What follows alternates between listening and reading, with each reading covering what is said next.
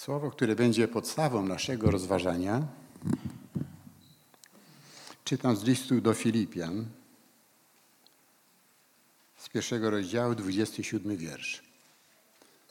List do Filipian, pierwszy rozdział, czytam 27 wiersz.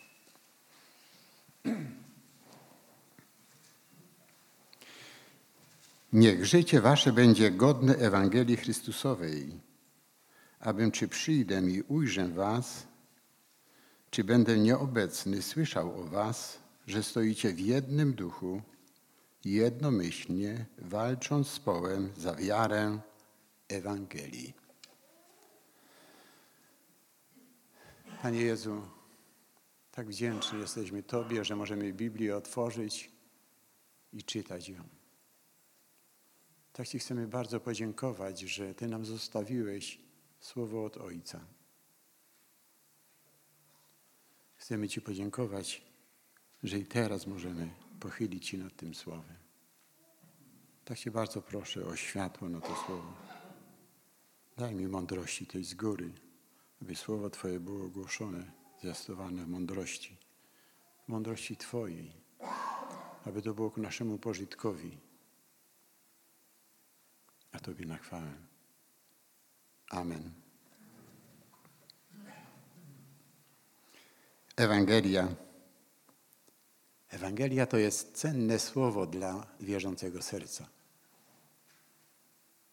Bo to właśnie w Ewangelii jest nasz ratunek, nasze zbawienie w Jezusie Chrystusie.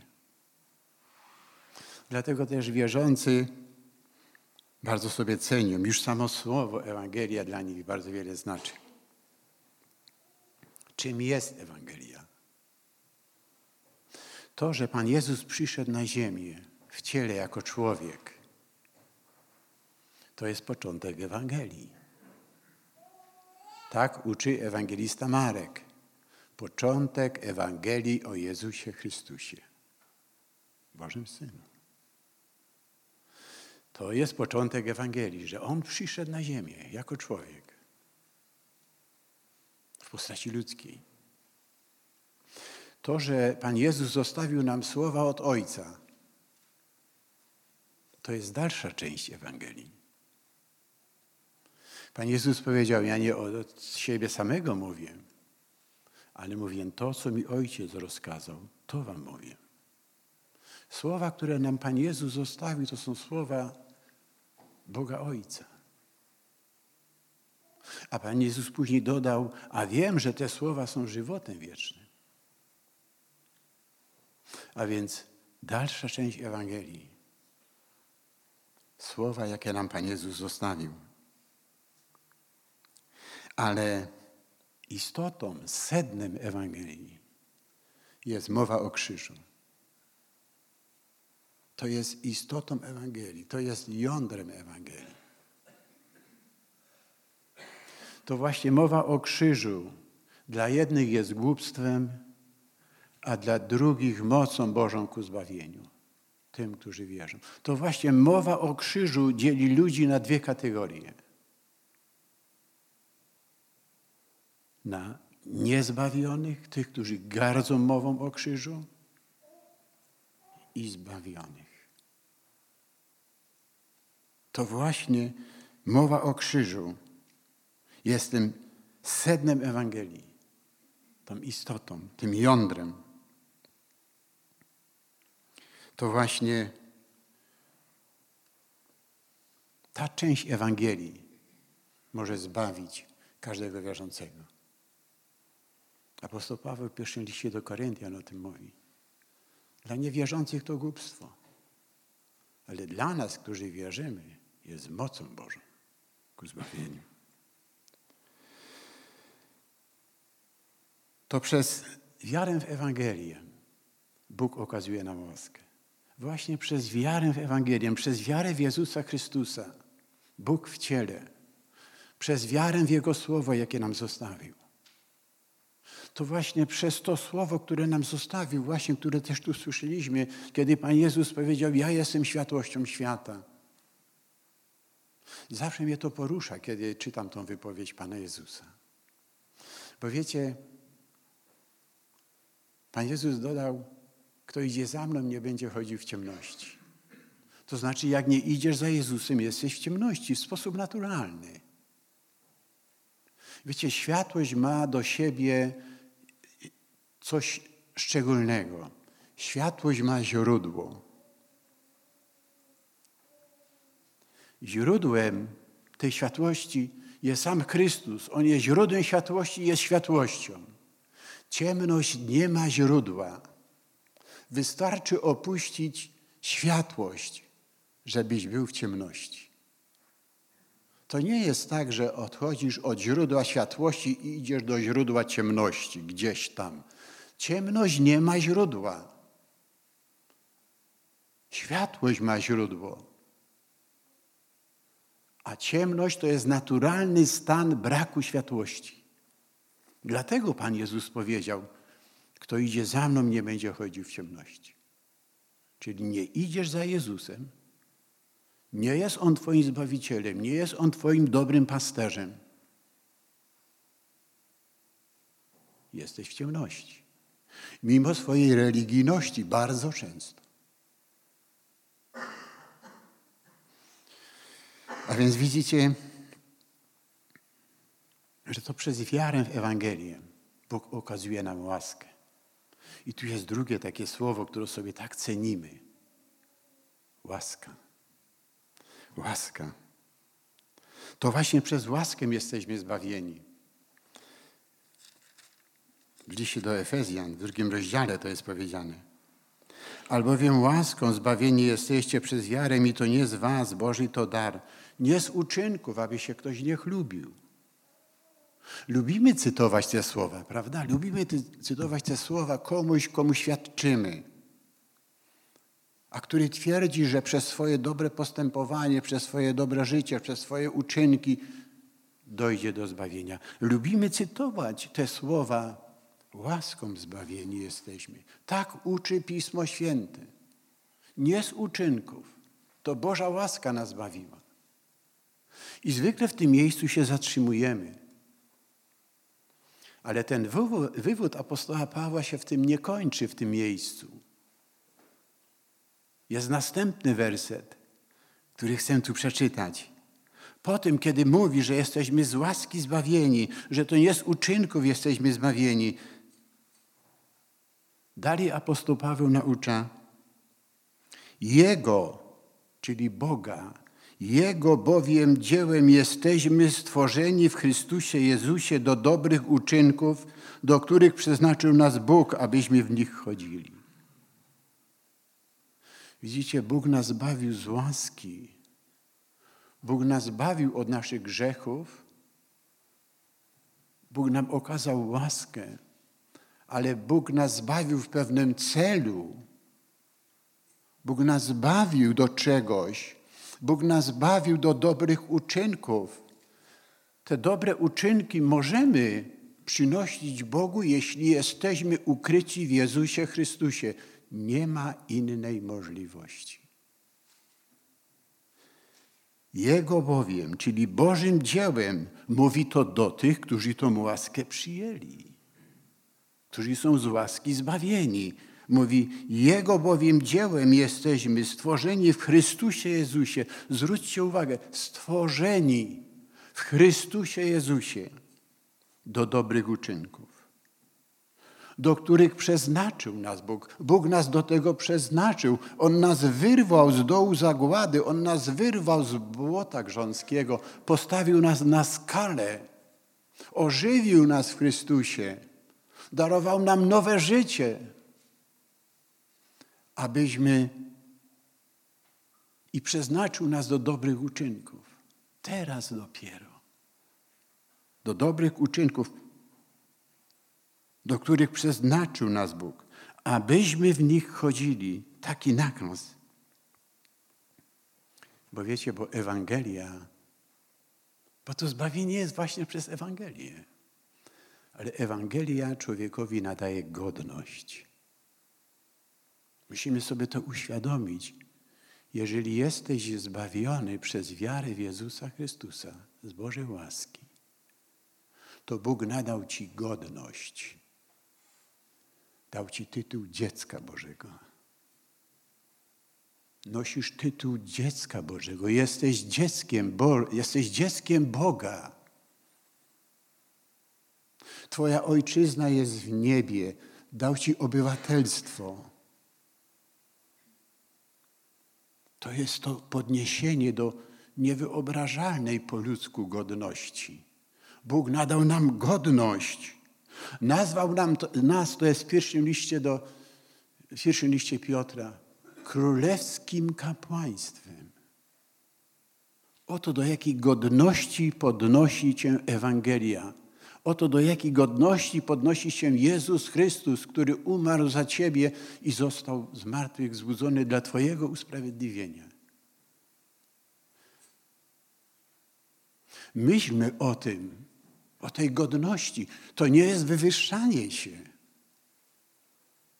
ale właśnie kiedy będziemy pamiętać o tym, jaką godność nam Bóg nadał, to wtedy zrozumiemy ten apel apostoła Pawła, który apeluje: Niech życie wasze będzie godne Ewangelii Chrystusowej. Dlatego apostoł Paweł apeluje w ten sposób. Niech życie wasze będzie godne Ewangelii Chrystusowej. Jesteście podniesieni do godności dzieci Bożych. Macie ten tytuł zaszczytny. Jesteście podniesieni do Królestwa Kapłańskiego. Wasza ojczyzna jest w niebie. Pamiętajcie, mówi o tym apostoł Paweł, tak. Komentuję to słowo. Pamiętajcie o tym. Chodząc tu po tym świecie, pamiętajcie o tym. Przyjrzyjmy się tym słowom. Wracam do tego fragmentu z Filipian. Niech życie wasze będzie godne Ewangelii Chrystusowej. Co to znaczy? Abyśmy w każdej chwili, w każdym momencie naszego życia, nie w jakimś jego fragmencie, nie w czasie nabożeństwa, nie w czasie grupy domowej, nie w czasie rozmowy z innym wierzącym, ale w każdym momencie naszego życia, abyśmy postępowali jak przystoi obywatelowi Królestwa Bożego. O tym tu mówi apostoł Paweł. Abyśmy właśnie w codziennym życiu potwierdzali to, w co wierzymy i co głosimy. Nasze życie to musi potwierdzić że to się rzeczywiście z nami stało, że rzeczywiście zostaliśmy wyrwani z dołu zagłady, że rzeczywiście grzechy nam zostały przebaczone, że rzeczywiście jesteśmy zbawieni, odrodzeni, jesteśmy nazwani dziećmi Bożymi. Nasze życie, codzienne postępowanie musi to, powtór- musi to potwierdzić.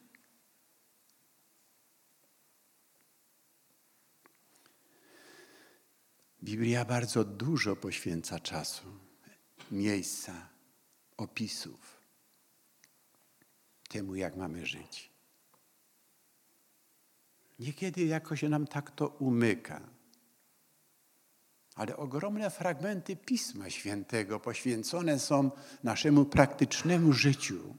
Pan Jezus to podkreślał. Jest taki fragment właśnie skazania na górze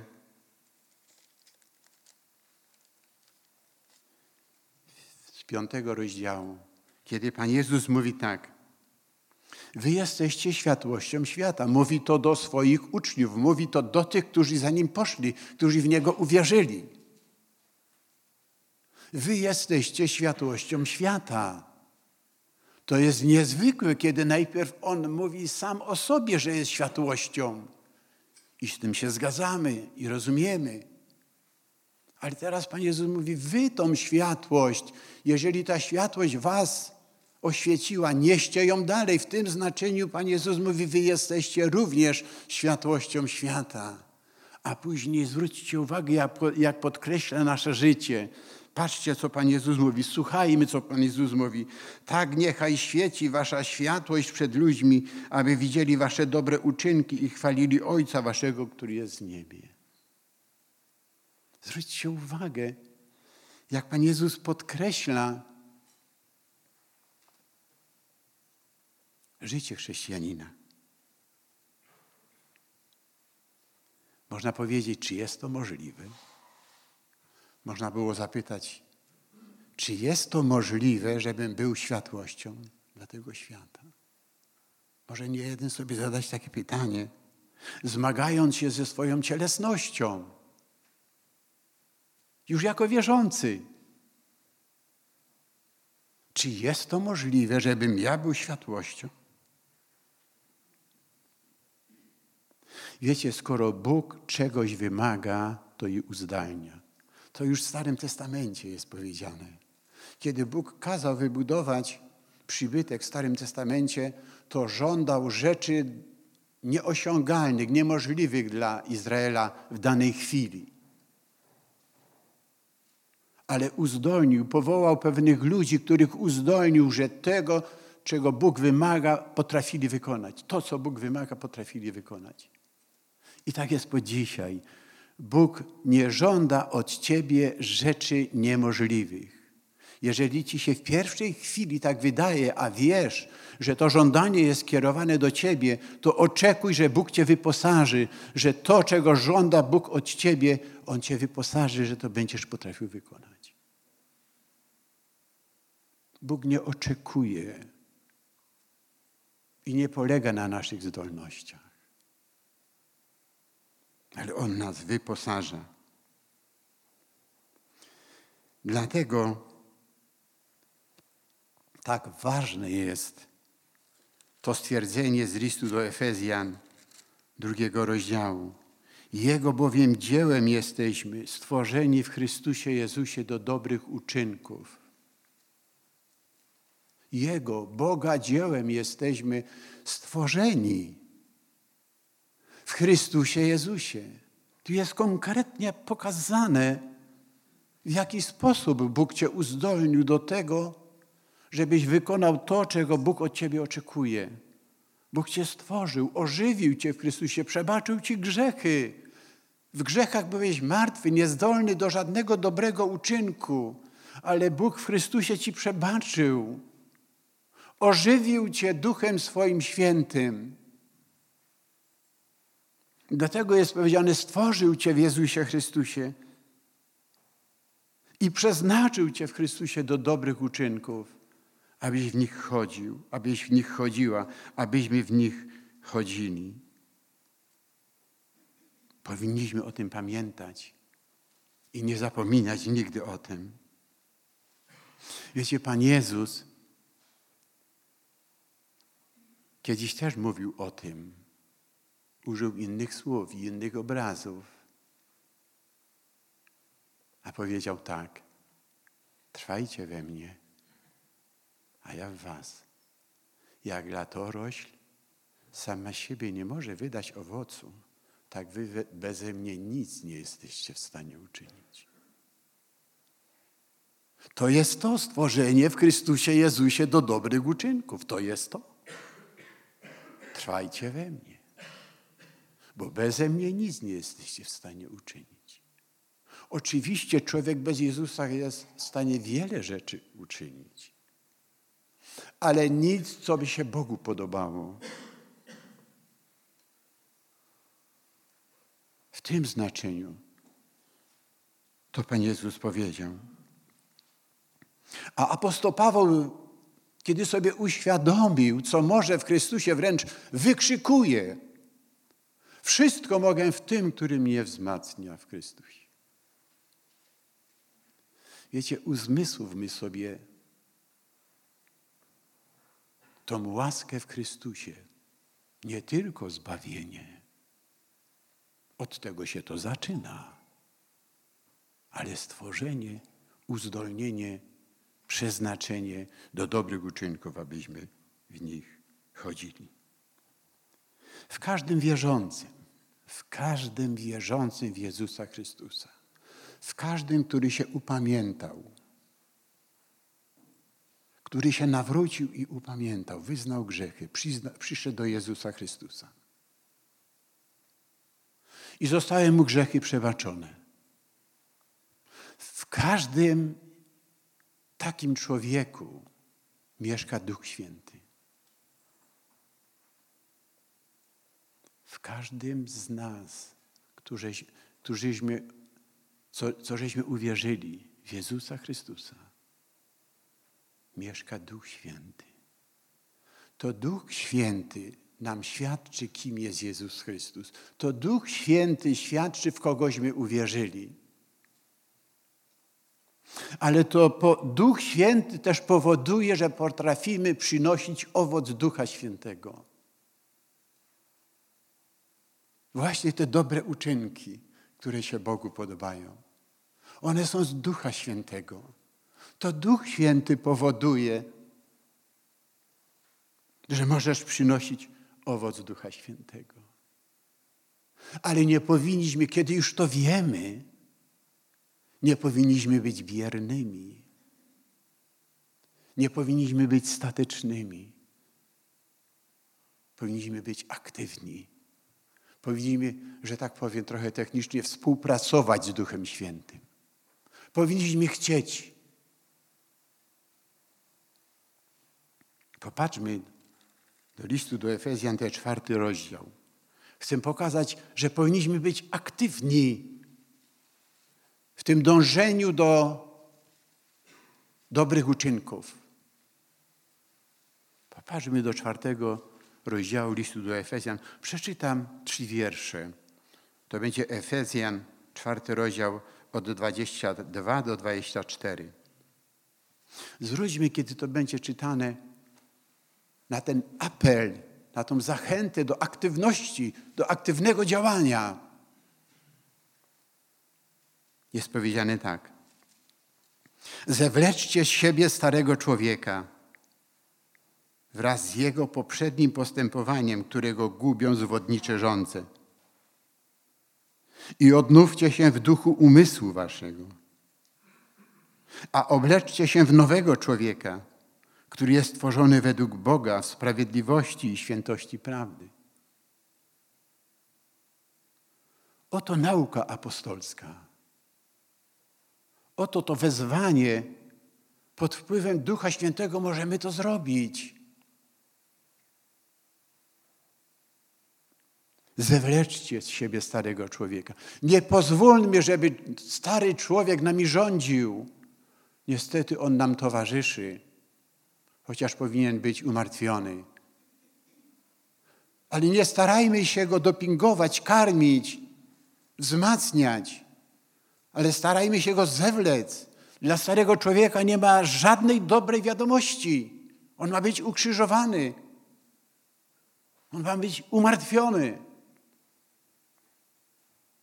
Zewleczcie starego człowieka wraz z jego przednim postępowaniem i odnówcie się w duchu umysłu waszego. Wiecie, to jest piękne słowo. Odnowić, odnowić się w duchu umysłu.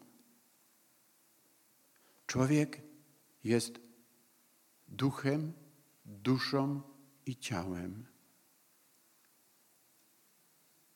Duch to jest ta część istoty ludzkiej, która ma zdolność nawiązania kontaktu z Bogiem, bo Bóg jest duchem. Kiedy człowiek zgrzeszył, przez grzech człowiek został oddzielony od Boga. W tym znaczeniu duchowo jest martwy ludzki duch stracił kontakt z Duchem Bożym. Nie może przekazywać informacji duszy, która porozumiewa się z intelektem, która korzysta z naszego umysłu i korzystając z ciała, żyje w tym świecie. Dusza ludzka zgrzeszyła. My potrzebujemy zbawienia na poziomie duszy. Celem wiary jest zbawienie duszy, uczy apostoł Piotr. Jakub powtarza to samo. Kiedy grzechy ci są przebaczone, ludzki duch nawiązuje kontakt z, z, Bożym, z Bożym Duchem. Czerpie z Bożego Ducha informacje, które przekazuje Twojej zbawionej duszy. I ona już w tej chwili inaczej posługuje się ciałem. I to widać na zewnątrz. Inne życie, inne postępowanie. Dlatego apostoł Paweł mówi: I odnówcie się w duchu umysłu waszego. Jest to możliwe tylko dla wierzących. Dla niewierzących jest to niemożliwe, bo ich duch jest martwy. Nie czerpie z Bożego Ducha. A dalej i obleczcie się w nowego człowieka. To są wszystko wezwania do aktywnego działania. Nie możemy być pasywni, nie możemy być statyczni, tacy, no Panie Boże, zbawiłeś mnie i teraz rób ze mną, co chcesz. Nie tak. A później następne wersety. Myślimy o tym czwartym rozdziale liście, listu do Efezjan. Po tym, 23, po tym 24 wierszu. Te następne wersety pokazują, jak żyć mamy. Przeczytam tylko jeden werset. On tu jest bardzo istotny. A to jest ten werset 25.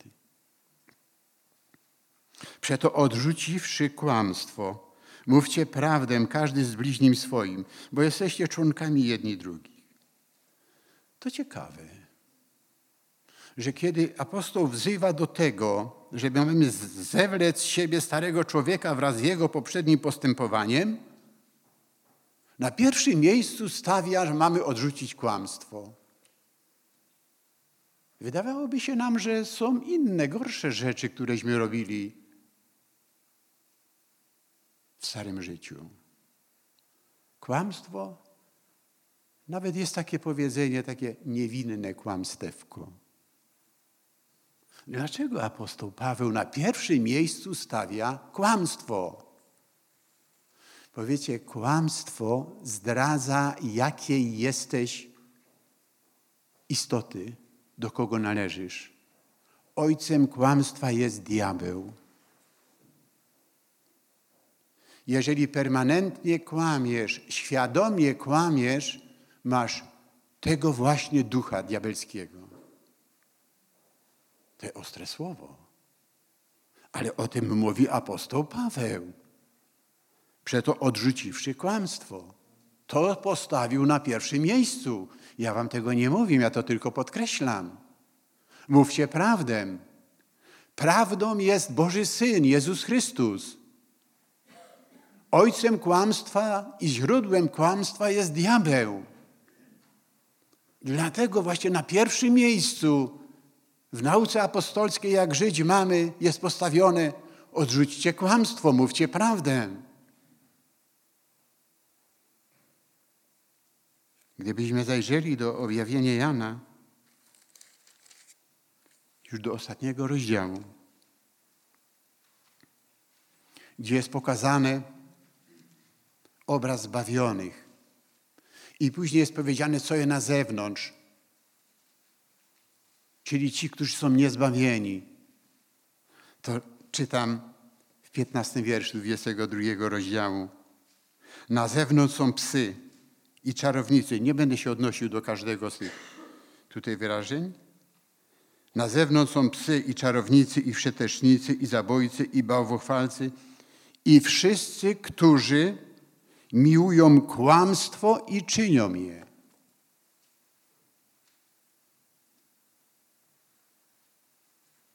Nam się może przytrafić kłamstwo nieświadomie, ale nie możemy kłamać świadomie jako chrześcijanie, bo uwierzyliśmy w prawdę. Prawda mieszka w nas, prawdą jest Chrystus. I mamy mówić prawdę. Nasze nie ma być nie, a nasze tak ma być tak. A więc widzicie, jak ta, jak ta nauka apostolska, niech życie wasze będzie godne Ewangelii Chrystusowej. Do czego ona nas wzywa? Wiecie, jest takie wyrażenie Pana Jezusa, które bardzo często jest źle zrozumiane.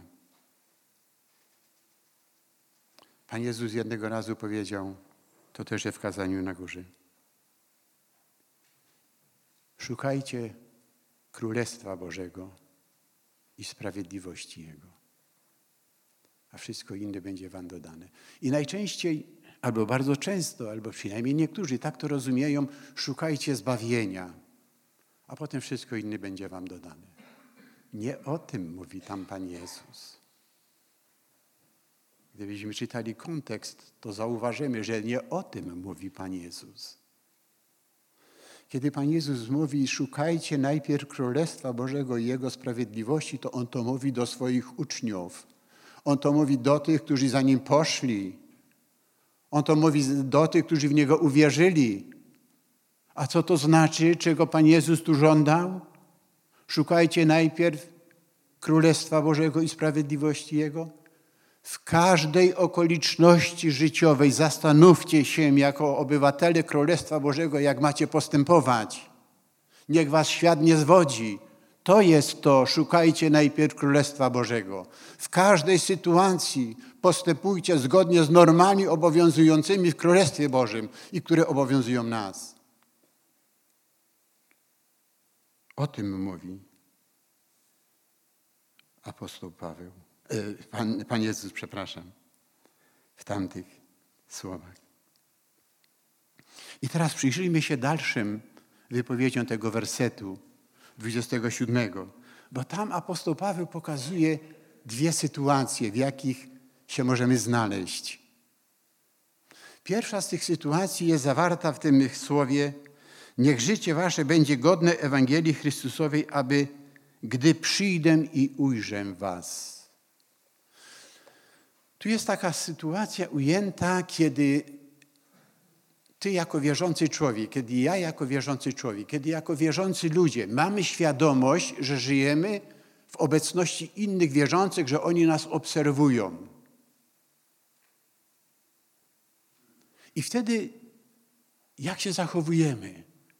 Na ogół zachowujemy się poprawnie.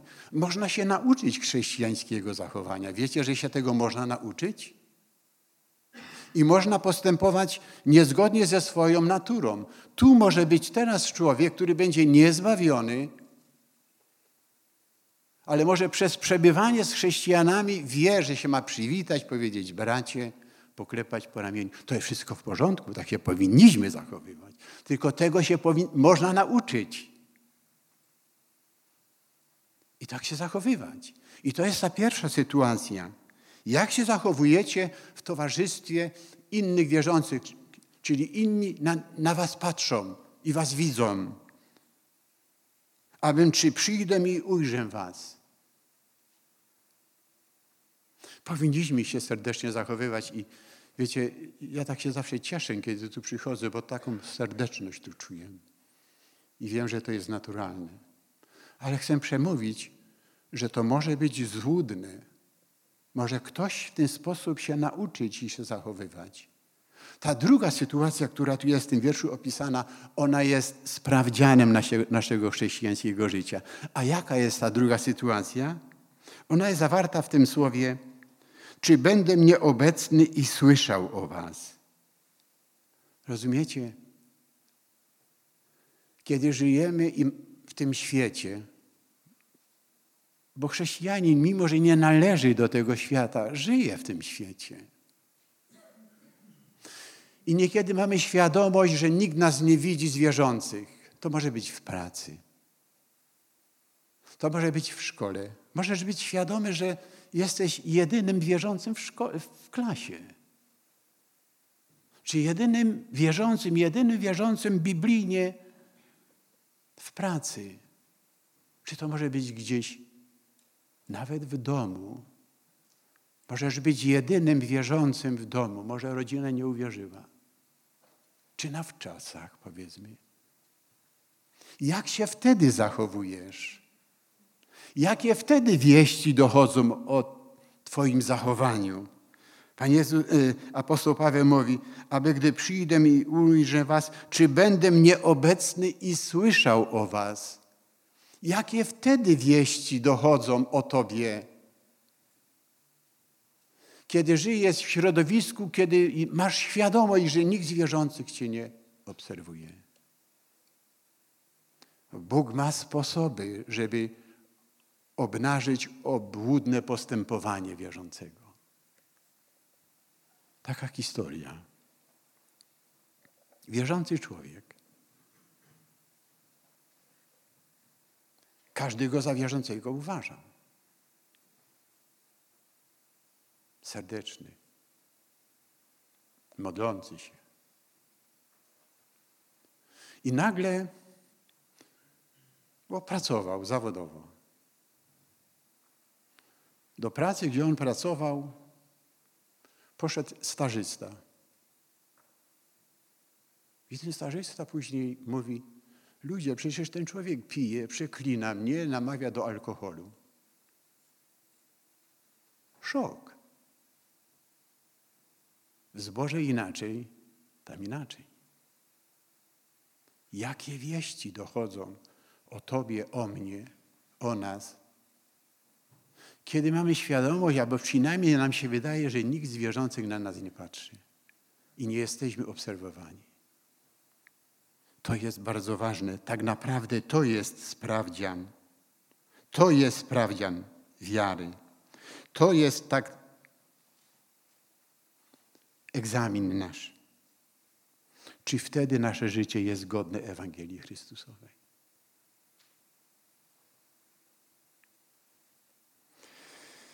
Życie chrześcijanina nie jest łatwe. Można powiedzieć, jest niemożliwe bez Chrystusa. Nawet na pewno można powiedzieć, że jest niemożliwe bez Chrystusa. Dlatego też apostoł Paweł dalej w tym wierszu mówi, że stoicie w jednym duchu, jednomyślnie, walcząc z połem za wiarę Ewangelii. Życie chrześcijanina naprawdę to jest walka.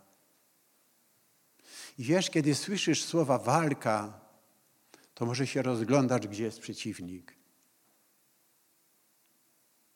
Ten przeciwnik jest bliżej ciebie niż myślisz, bo ta walka rozpoczyna się od, właśnie od tego starego człowieka. Z tym starym człowiekiem musisz walczyć. Musisz najpierw zwyciężyć w sobie. Zewleczcie z siebie starego człowieka wraz z jego poprzednim postępowaniem. O, to jest istota tej walki, to jest front.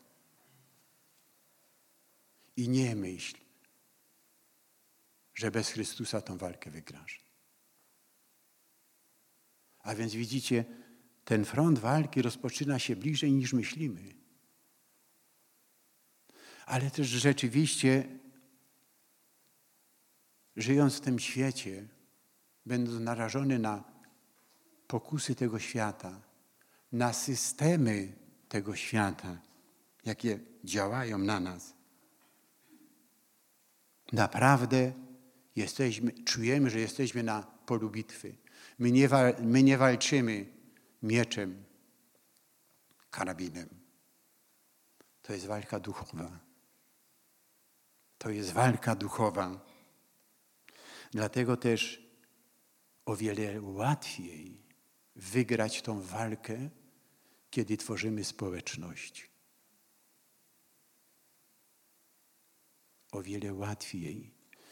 W zasadzie Bóg nie przewidział chrześcijanina żyjącego bez społeczności. Bóg tego nie przewidział. Z Bożej łaski Bóg darował nam Kościół. Lokalnie my to nazywamy zbór. A to jest ten sam wyraz Kościół. Powinniśmy być częścią Kościoła. Wiecie, nigdy nie rozumiem ludzi, a takich spotykam, takich samotnych, takie samotne wilki, którzy mówią: Ja nie potrzebuję zboru.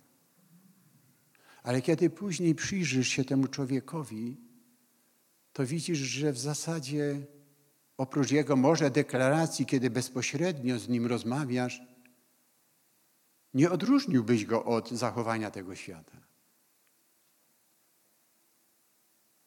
Wiara chrześcijańska to nie są deklaracje. Też, ale to nie są tylko deklaracje. O wiele łatwiej tą walkę duchową prowadzić, kiedy mamy oparcie w zboże. Powinniśmy być sami wsparciem dla innych. Powinniśmy czerpać ze zboru, ale i dawać w zborze. O wiele łatwiej tą walkę duchową prowadzić, kiedy, jak tu jest powiedziane, jednomyślnie walcząc z połem. Drodzy bracia i siostry, i tego Wam życzę i sobie. Trwajmy w społeczności, szukajmy zawsze tej społeczności, gdzie Chrystus jest uwielbiany, wywyższany, gdzie to imię jest wzywane. Starajmy się być zachętą dla innych, ale bądźmy też pewni, że kiedy jesteśmy w trudnej sytuacji, to na, na zboże możemy liczyć, na zbór możemy liczyć. Dlatego apostoł Paweł mówi, że stoicie jednomyślnie, jed, że stoicie w jednym duchu, jednomyślnie, walcząc z połem za wiarę Ewangelii. Wiecie, atak na Kościół może być z zewnątrz albo od wewnątrz. I historia Kościoła pokazuje, że atak z zewnątrz zawsze Kościół umacniał. Z tego ataku Kościół wychodził zwycięską ręką. Kiedy Kościół był atakowany z zewnątrz, najniebezpieczniejszy atak jest od wewnątrz. Kiedy człowiek, który powinien być wzorem, zwykle to dotyczy starszych, starszych wiekiem, którzy powinni być przykładem dla młodych. Kiedy taki człowiek, który był za takiego uważany, nagle zawodzi, nagle dochodzą wieści o jego niewłaściwym postępowaniu, to rujnuje Kościół. A przede wszystkim rujnuje to wiarę ludzi jeszcze nieugruntowanych. Bardzo niebezpieczny jest atak od wewnątrz. Dlatego też apostoł Paweł w tym liście, w dalszej części, używa takiego zdania. To jest drugi rozdział, czytam dwunasty wiersz. Przeto umiłowani moi, jak zawsze, nie tylko w mojej obecności, Widzicie? Znowu podkreśla te dwie sytuacje. Nie tylko w mojej obecności, bo to jest w miarę łatwo być takim świadectwem i zachowywać się poprawnie.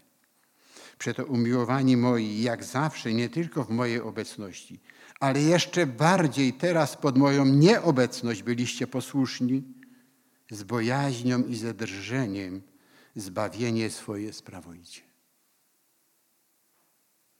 Wiecie, Bóg darował nam największą wartość, jaką człowiek może otrzymać w swoim życiu. Największą wartość. Tą wartością jest zbawienie w Jezusie Chrystusie. I nie, nie obchodźmy się lekko z tym zbawieniem. Jakby to było jakiś niekiedy paragon taki z kasy fiskalnej nam się gdzieś tam plącze po, po kieszeni. Nie postępujmy z tym zbawieniem w ten sposób. Jest powiedziane, czy to wtedy, kiedy będziecie w społeczności, czy wtedy, kiedy pod nieobecność innych wierzących. Z bojaźnią i zadrżeniem zbawienie swoje sprawujcie. Drogi zboże, to kazanie było do Was i do mnie. Tego życzę Wam i sobie.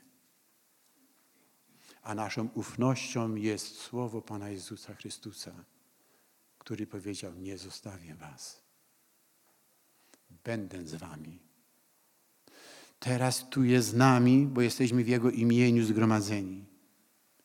Ale kiedy się rozejdziemy i będziemy w swoich domach, a może niektórzy z Was, jako jedyny wierzący w swojej rodzinie, pamiętaj, drogi bracie i siostro, nie jesteś sam, bo Jezus Chrystus z Tobą będzie. I to jest naszą radością, naszą nadzieją, naszą ostoją, naszą taką pobudką do zwycięskiego życia. Tego życzę Wam i sobie. W imieniu Pana Jezusa. Pochylmy głowy.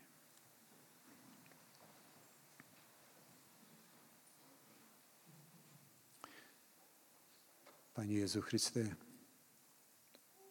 jak wdzięczni jesteśmy Tobie za Twoje słowo, które nam zostawiłeś, za Twoją modlitwę, jaką Ty kierowałeś do Boga Ojca za Kościół, za nas, za to zapewnienie, że tu nie będziemy samotni, nie będziemy tu opuszczeni, nie będziemy skazani na własne wysiłki, ale że będziesz z nami. Nie tylko teraz w zborze, w kościele, ale wtedy, kiedy się rozejdziemy i może niekiedy tak po ludzku samotni będziemy w swoich domach, w pracy, w szkole. A Ty będziesz z nami. Obyśmy mieli tą świadomość, że mamy Ciebie reprezentować, że nasze życie ma być godne tej cudownej Ewangelii Chrystusowej. Zdasz to, Panie, w naszym życiu. Ku Twojej chwale. W tym drogocennym imieniu Jezus. Amen.